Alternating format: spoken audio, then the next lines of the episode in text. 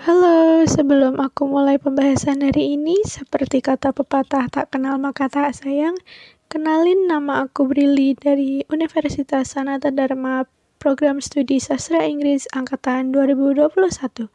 Di sini aku mau jelasin tentunya juga sharing tentang isu yang lagi dipermasalahkan oleh remaja-remaja yaitu body shaming.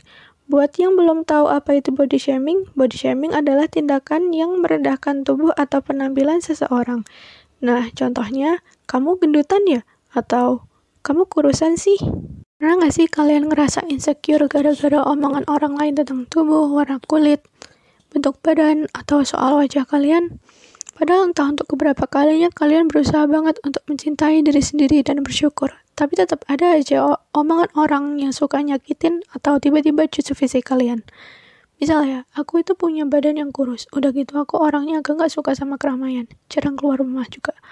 Otomatis orang-orang juga jadi jarang lihat aku. Kecuali kalau aku keluar rumah karena hal-hal yang penting. Tiba-tiba orang yang jarang lihat aku ini datengin aku sambil bilang, kok kurus banget sih? Gemukin dong. Di saat itu juga aku ngerasa jelek, kena banget di hati. Aku tahu kalau aku kurus, aku bisa ngaca tiap hari badan aku kayak gimana. Tapi kalian gak pernah tahu perjuangan aku buat naikin berat badan kayak gimana. Yang udah makan banyak, udah nyoba beli susu penambah berat badan, tapi hasilnya sama aja, gak gemuk-gemuk.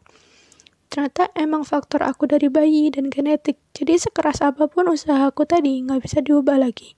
Tapi kalian mikir gak sih kita tinggal di negara ini jadi serba salah. Punya bentuk badan kurus dikira nggak dikasih makan, punya badan gemuk dihujat, punya wajah yang glowing dikira pakai skincare yang abal-abal atau malah pakai suntikan.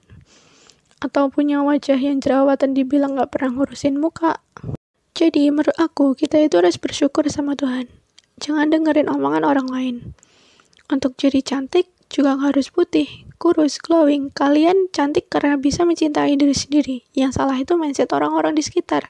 Stop insecure mulai dari sekarang. Dan buat yang suka body shaming, stop. Karena kalian gak akan tahu seberapa berdampak omongan kalian terhadap orang yang kalian body shaming itu.